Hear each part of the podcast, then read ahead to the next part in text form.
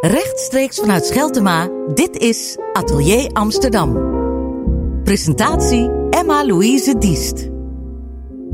Ja, we kampen in ons leven niet zelden met psychische klachten. En we kennen hoogstwaarschijnlijk allemaal wel iemand die lijdt aan een depressie of een burn-out. Het is dan ook verwonderlijk dat er doorgaans amper over wordt gesproken. En vandaag doen we dat juist wel. Sterker nog, we laten ons even opnemen op de psychiatrische afdeling van het Algemeen Ziekenhuis, de PAAS. En gelukkig wel onder bezielende begeleiding van actrice Jora Rienscha. En zij is bij ons te gast om meer te vertellen over haar voorstelling Up. Naar het boek van Meerte van der Meer. Welkom uh, ja, in dankjewel. Amsterdam. Ja, dankjewel. Ja, een heel bijzonder uh, onderwerp. Ja, eigenlijk niet zo bijzonder, zoals ik al zeg. Het, uh, het komt heel veel voor, maar we hebben het er eigenlijk nooit over. Maar dat ga jij wel doen. Ja, dat klopt. Tenminste, er wordt wel over gesproken, maar het is ook nog altijd wel een beetje een taboe op het moment dat je dat iemand zegt, goh, ik voel me niet goed of uh, ik ben depressief. Dat uh, mensen al snel een oordeel hebben van, ja, maar daar kan je toch zelf wat aan doen. Ga toch lekker sporten, ga ja. wandelen, pep jezelf op. We, zijn, we hebben allemaal wel eens een keer een slechte dag. Terwijl er wel echt een verschil zit tussen een slechte dag hebben of daadwerkelijk bijvoorbeeld een, uh, een diagnose hebben, manisch depressief zijn of, of door andere omstandigheden in, in een kliniek belanden. Ja, want je hebt het over verschillende stadia nu echt natuurlijk. Je kunt een probleem hebben en dat kan even duren. Een psychiatrisch probleem, dus dat je somber bent. Dan kan je een diagno diagnose krijgen en dan daarna kan het nog zo moeilijk gaan dat, dat je eigenlijk meer hulp nodig hebt. En dan word je ja, opgenomen. Of dat kan. Dat zou kunnen inderdaad. Ja, en, ja. en daar is natuurlijk een heel, heel, groot, heel groot aantal mensen hebben daar mee te maken in hun leven. En in welke vorm dan ook. En, en of ze nou worden opgenomen, ja of nee. Maar uh, er komt veel depressie voor in, in, in allerlei soorten vormen. Die kan soms ook uh, plotseling ontstaan. Ik heb drie jaar geleden Paas gespeeld. Dus dat was het eerste boek van Meerte van der Meer. En daarin begint het eigenlijk dat zij... Um, zij is gewoon aan het werk. Zij denkt dat ze een burn-out heeft. En plotseling zit ze voor haar gevoel in die kliniek. En, en, en ja, ontvouwt zich daar toch...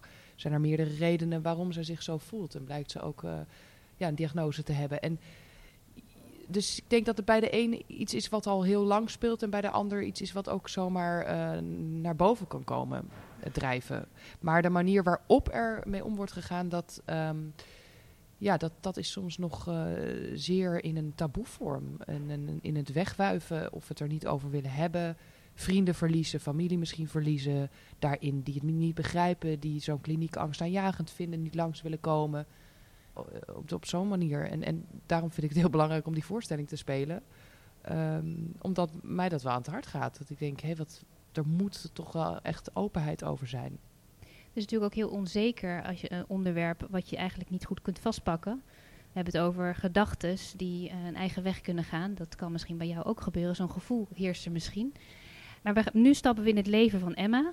Ja. Um, wat eigenlijk natuurlijk grenst aan het leven van de schrijver van het boek. Bij haar gaat het zo slecht dat ze wordt opgenomen. In het eerste boek wordt ze voor het eerst opgenomen en we gaan nu eigenlijk verder. Ze is nu niet depressief, maar ze belandt in een manie. Ja. Dat lijkt in eerste instantie natuurlijk iets veel vrolijkers, maar dat heeft ook een uh, keerzijde. Wel zeker bij haar. Kan je vertellen wat er gebeurt, waar we, waar we instappen in het begin van de voorstelling? Nou, je stapt dus eigenlijk in het begin, uh, zit je te kijken naar een vrouw die inderdaad ogenschijnlijk waar het goed mee gaat. Uh, maar die zelf enorm in de ontkenningsfase zit. Um, die wordt opgenomen omdat ze al haar pillen in wil nemen. Uh, en zelf zegt, ja, dat doe ik niet hè, omdat ik... ja, zelfmoord kies je noodgedwongen eigenlijk. En, en ik doe dit uit vrije wil. Zo, zo beschrijft ze dat. Oftewel, ik voel me nu goed. Dat gevoel wil ik vasthouden. Dat gaat straks weer weg. Maar ik kan het vasthouden door nu uit het leven te stappen. Want dan, hè, dan, dan hou ik dat bij me eigenlijk. En ja, op dat moment realiseert zij zich niet dat dat iets is um, wat niet gezond is. Of tenminste, zoals wij er naar kijken dan met z'n allen. Dat, dat, dat hoort niet. Maar ja, ze begrijpt gewoon daadwerkelijk niet waarom zij weer moet worden opgenomen. Ze komt daar voor haar laatste gesprek en dan vervolgens krijgt ze een psychiater voor zich die zegt: Nee, nee, sorry, maar je, ga, je wordt nu opgenomen. Om ja. haar te redden eigenlijk. Ja, om haar te redden, uiteraard. En, en, en, en ja, ik denk, zoals zij het beschrijft, die, die manier waar ze in zit, want die wordt ook steeds heviger. He, ze, ze verliest steeds meer het zicht op wat echt is en wat niet echt is. Ze krijgt ook wanen. Ze ziet een hond die er eigenlijk niet is, weet je. Dus, en dat zijn dingen die ze dan al langer heeft. Ze, zij gelooft in dat ze de, de, de sleutel heeft tot het universum. Eh, en ja, dat is in iemand die dat meemaakt ook daadwerkelijk eh, de waarheid. Alle anderen om je heen zijn gek, maar jij vertelt de waarheid. En dan kom je er langzaam achter. Op het moment dat jij uit die manie komt, oh wacht, oh nee, ik, dit is de realiteit en niet het vorige waar ik in zat. Als ik het zo hoor, heb je je er wel heel erg goed in verdiept. Dus je weet heel erg goed wat voor processen er spelen en wat haar ertoe brengt om dat soort dingen te denken. Nou, dat is het boek. Ja. Het, het boek beschrijft het eigenlijk helemaal. Nou moet ik ook eerlijk bekennen dat mijn eh, oma was eh, manisch depressief. Ik was toen wel veel jonger, dus ik heb het zijdelings meegemaakt bij haar. Ehm, de laatste, helaas de laatste zeven jaar van haar leven was ze vooral depressief. Maar ehm, daarvoor was ze ook wel manisch. En, en ja, dan, dan kon je er ook wel om lachen. Het, was niet, het is niet zo dat je er niet om mag lachen of zo. Of dat het niet... Hè, ze had enorm veel humor. En dat, dat, nou ja, Meert van der Meer ook. Die kan dingen omschrijven met zoveel humor maar, en zelfspot. En ja, eigenlijk bijna zwarte humor. Ook over de psychiatrie überhaupt.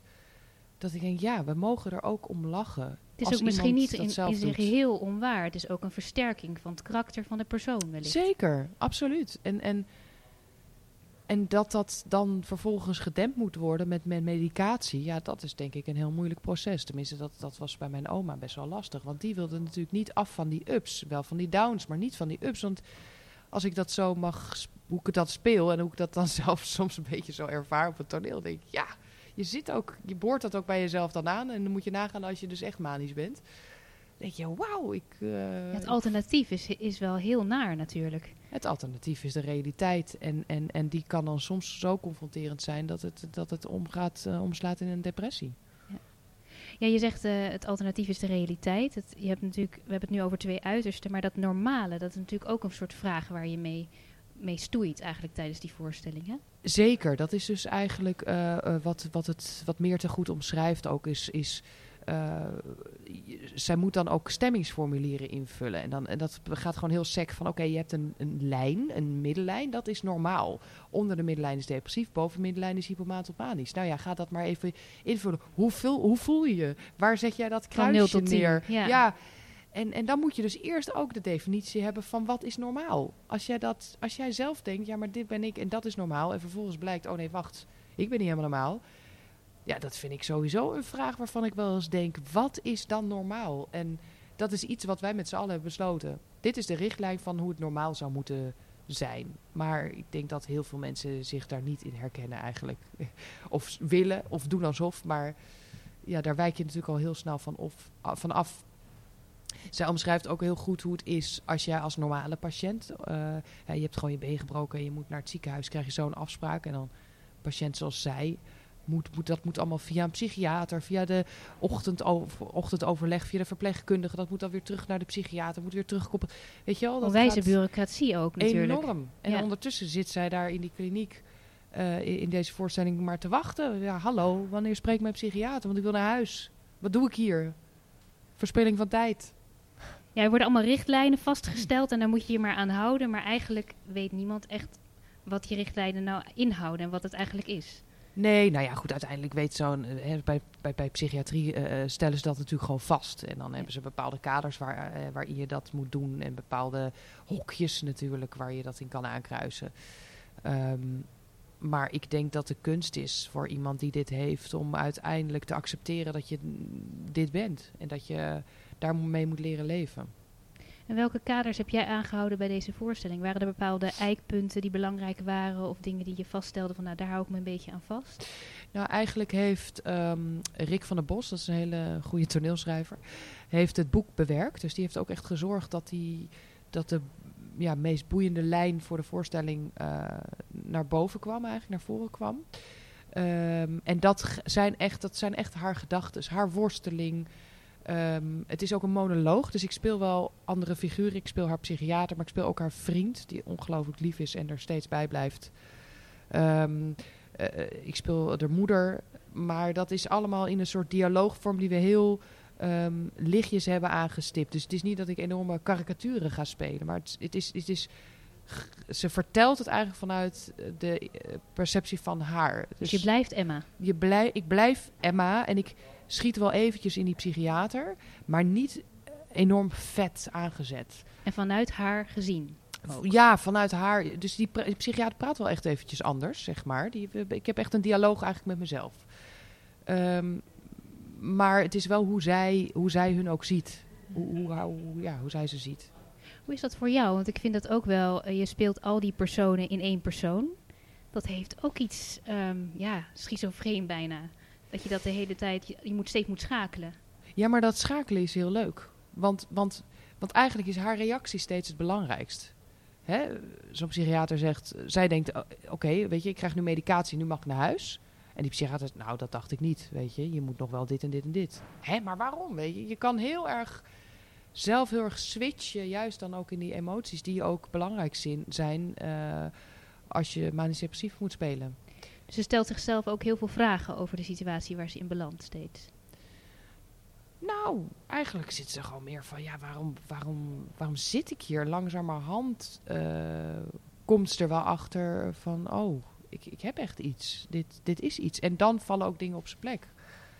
Dingen die ze vroeger zag, de, de wanen, de hallucinaties. En dan langzamerhand krijgt ze grip op hetgeen wat zij ervaart. En he- als jij dit speelt, heb je dan een heel erg beeld over het pad wat zij bewandelt tijdens de voorstelling? Ja, heel. Want je moet, om het goed te kunnen... Ja, dat is namelijk een hele zoektocht geweest in het repetitieproces. Want op het moment dat ik opkom en ik, en ik zet meteen een heel extravert iemand neer... Die, waarvan je meteen denkt als publiek, oh, die is gek. Dat, willen wij ook niet neerzetten op die manier. Omdat eh, mijn regisseur en ik hebben er ook heel erg voor gekozen om te zorgen dat jij langzaam in haar meekomt. En langzamerhand wat van die eh, manische mm, toestand gaat zien. Omdat het ook niet zo is dat, denk ik, als je, als je manisch bent, eh, dat je meteen maar gek bent of zo. Snap je wat ik bedoel? En, en, en dus, dus je moet als publiek ook bijna kunnen refereren aan jezelf. En, en bijna kunnen denken, maar inderdaad, laat die vrouw toch naar huis gaan. Waarom zit ze daar? En dan bouwt het zich subtiel op, ook door middel van... ja, je moet eigenlijk op hetzelfde niveau komen als waar zij staat op dat moment. Eigenlijk wel. En dat, dat hebben we dus ook heel, heel, heel sober gehouden in het begin. Ik zit gewoon op een kruk en ik heb een microfoon. En het is bijna een stand-up-achtige setting. Dus niet met een vierde wand of zo. Ik spreek het publiek ook een beetje aan. Ik weet niet of je de serie Fleabag hebt gezien. Eh, nou ja, voor de mensen die dat niet hebben gezien, dat is een, dat is een vrouw die ook worstelt met van alles en de hele tijd de schijn ophoudt. Maar dan wel tegen de kijker af en toe even een, een zijdelingse opmerking maakt. Tegen jou als kijker, terwijl je voor de tv zit van, eh, ja, dit komt wel goed of zo. Weet je wel zo. En dat doe ik ook. Ik zit in de situatie met mijn psychiater, met mijn vriend, heb ik die dialoog, dialogen. En tegelijkertijd ben ik ook af en toe naar het publiek. Met, eh, als we het hebben over van, dan zegt er iemand, of een, een medewerker zegt, oh, Emma, het avondeten is er. En dan, eh, en dan zeg ik, oh ja, avondeten. Oh, nou met avondeten bedoelen ze hier een, een terminaal stukje vis, doorgekookte groenten en een bakje gele vla. Zo van, hè, tegen het publiek stel je er maar niet zoveel van voor. Een soort want- ondertiteling bij wat er gebeurt. ja, een soort, zij, een soort, soort, soort zijpaadjes eh, naar het publiek toe. Van, eh, ja, hallo. Hè? Dus je zit in de situatie en je zit tegelijkertijd ook heel erg open met het publiek. En duurde het even voordat jij zelf in die situatie komt? Want ik denk ook wel, je vertelde nu net eventjes over Fleabag, dat is natuurlijk een, zij spreekt dan eh, het publiek toe. Dat zijn altijd hele enge dingen. Vaak gaat het dan niet goed met een serie, omdat je het publiek aanspreekt en dat wordt vaak moeilijk gezien. Het is een soort doorbreking ook van de, van de concentratie. Vind je dat, zit dat jou goed? Of heeft het even geduurd voordat dat, die, die wisselwerking goed werkt? Nee, dat werkt dus juist heel goed. Want bij Paas hadden we heel erg, want dat was met dezelfde regisseur, Paas. Ehm, bij Paas hadden we heel erg juist een soort vierde wand. Dus dat je het doet alsof het publiek er niet is. Heel veel decor, eh, met een camera nog. En dat was ook mooi. Maar deze vorm die we nu hebben gekozen past veel meer bij dit boek. En ook veel meer bij mezelf. Want ik heb hiervoor ook veel cabaretvoorstellingen gespeeld. En daar ben je ook heel direct bij het publiek. Je bent gewoon eigenlijk jezelf. En nu ben ik ook in die vorm. Ik ben met het publiek. En, en, en ik ben gewoon losjes. En, en dat past ook heel goed. Dat, dat valt dan allemaal samen. En tegelijkertijd ben je een, speel je een personage wat langzamerhand wel steeds, eh, steeds heftiger wordt eigenlijk. Voel je dat? Voel je dat het publiek ook dat op een gegeven moment merkt dat het heftiger wordt? Ja, dat, dat nou dat. Kijk, je, er zit sowieso al vanaf eh, de eerste voorstelling die ik speelde, is een paar weken geleden. Ik ben nu net in première gegaan, maar dat was ook het spannendst van. Krijg je dat publiek mee op die trein, zullen we maar zeggen. Want eh, juist omdat we dus zo'n sobere setting hebben, ja, houden ze dat vol. Een uur en een kwartier of een uur en twintig minuten. Maar dat blijkt dus juist van wel. Dus die eerste voorstelling die ik speelde, was dat mijn grootste vraag eigenlijk na afloop aan het publiek. Goh, konden jullie erin mee? Nou ja, dat bleek dus van wel. Ze stappen erop, als het ware. En Je moet ze eigenlijk verleiden. ja, maar doordat je dan je open, het een open vorm is, denk ik wel dat je ze dus veel makkelijker meekrijgt dan wanneer je heel moeilijk gaat zitten doen met allemaal eh, anseneringen en s- en setting en weet ik het wat allemaal. Ja. Ja, Ja, je zegt de open vorm. Dat betekent dus ook dat je jezelf heel erg moet openstellen. ja. Ehm, en we hebben het over psychiatrie. Nou, dat, dat gaat bijna automatisch dan ook over je eigen gedachten. Dus dat gaat heel snel. Heb je daarin ehm, geput uit eigen ervaring? Je zou iets over je oma, maar ook echt eigen mechanismen, hoe je zelf denkt? Nou, eigenlijk ja, dan heb je het meer denk ik over method acting of zo. Nou nee, soms kan het, Nee. eh, kan het aanhaken op iets wat je zelf hebt meegemaakt... of manieren waarop je zelf denkt, wat, wat helpt en wat je aan kan zetten. Nou, ehm, ik, ik ben van nature wel, be- kan ik best cynisch zijn, maar op een, een beetje met humor, een beetje zwarte humor kan ik wel hebben. Dat zet ik wel heel erg aan en, en dat past ook wel denk dat ik. heeft ze ook eh, wel zeker, ja. Ja, dat heeft Meert van der Meer ook. En, en, en daar, ja, dus anders had ik het misschien ook niet. Ja, je kan alles spelen, maar dat past wel heel erg. Dus daar, dus ik kan een deel van mezelf kan ik er ook helemaal in kwijt. En, en maar bij mij is het meer dat als ik aan zo'n voorstelling, aan deze voorstelling heb gewerkt, was het meer van dat ik me heel goed kan voorstellen hoe het is. Dus en die, ik heb best wel een, grote fantasie. dus ik kan me best wel goed inleven in iemand die dat meemaakt. Misschien ook omdat ik er affiniteit mee heb. Eh, maar ik ben bijvoorbeeld voor Paas ben ik ook 24 uur op een eh, kliniek geweest. Of in een kliniek heb ik me laten opnemen. En ehm, dat helpt ook, Ook wel echt hoor. op de paas. Op de paas Ja. mocht ik 24 uur eh, verblijven. Ehm, ja, dan raak je ook met heel veel mensen in gesprek. En, en, en, en dan kom je er ook wel achter van, oh... eh, en eigenlijk vond ik de gesprekken met de mensen die, die waarvan ik dacht, jeetje, die, die verpleegkundige neemt wel heel lang pauze. Maar dat bleek dan de patiënt het, het ook het confronteren. Dus ik dacht, ja, volgens mij hebben we allemaal wel een, een, eh, een schuifje wat we erop houden. Maar als dat een keer open gaat, dan... eh, De klassieke fout, je dacht dat het een eh, een patiënt of een ja, verpleegkundige was, Ja. maar het was de patiënt. Ja, Ja. maar eh, dat is toch die beeldvorming die ik dan zelfs, terwijl ik mensen ken die dit eh, hebben, toch nog steeds ook heb van ja. Nee, maar als je gek bent, dan zie je het wel. Of als je iets hebt, dan, dan, dan zie je dat wel. Of dan is iemand helemaal een fijne gedachte. Dat je Ja, het in ieder geval kan zien. Ja. Juist. Juist. Jij, jij wil niet hier de zwerver zijn op de hoek. Dat ben jij niet. Dat ga je ook nooit worden. Nee, het is ook wel een veilig idee om te bedenken dat je het in ieder geval kunt merken aan iemand. Dat je niet met iemand in gesprek kunt gaan en ineens kan merken dat, is, dat die is gek. Ja, maar Ja. dat is dus, dus... Dus het ligt veel dichter bij jezelf dan je denkt. En, en dat vond ik wel... ehm, ja, dat vond ik te confronterend en mooi tegelijkertijd. Dat dat, dat, dat dus zo is. En ehm, ja, en daarom denk ik ook dat het... Dat, dat, dat motiveert mij ook heel erg. Juist om deze voorstelling zo te spelen op deze manier. Om haar niet neer te zetten als een soort wapje. En we gaan allemaal kijken naar een, iemand eh, hè, bijna leedvermaakachtig. Maar juist iemand die ook het publiek kan confronteren met zichzelf. En dat, dat gebeurt ook. Het is ook eh. Je geeft ook een inleiding vaak aan, van tevoren dat iemand komt spreken. Dus dat we echt Ja, die inleidingen, weten. die Ja. inleidingen die, die worden gedaan dus door eh, eh, Samen Sterker Zonder Stigma. Dat, dat is een organisatie met mensen die het zelf hebben meegemaakt. Ehm, en die vertellen ook twintig minuutjes voorafgaand aan de voorstelling... bij sommige theaters over hun eigen ervaring. Dat hebben we bij Paas toen ook gedaan. En dat, dat, ja, dat is heel mooi dat die mensen dat willen doen en dat ook kunnen. En eh, dat geeft wel ook een eh, verrijking aan de voorstelling. En krijg je ook wel reactie achteraf van mensen die hebben gekeken en die daardoor geraakt zijn wellicht?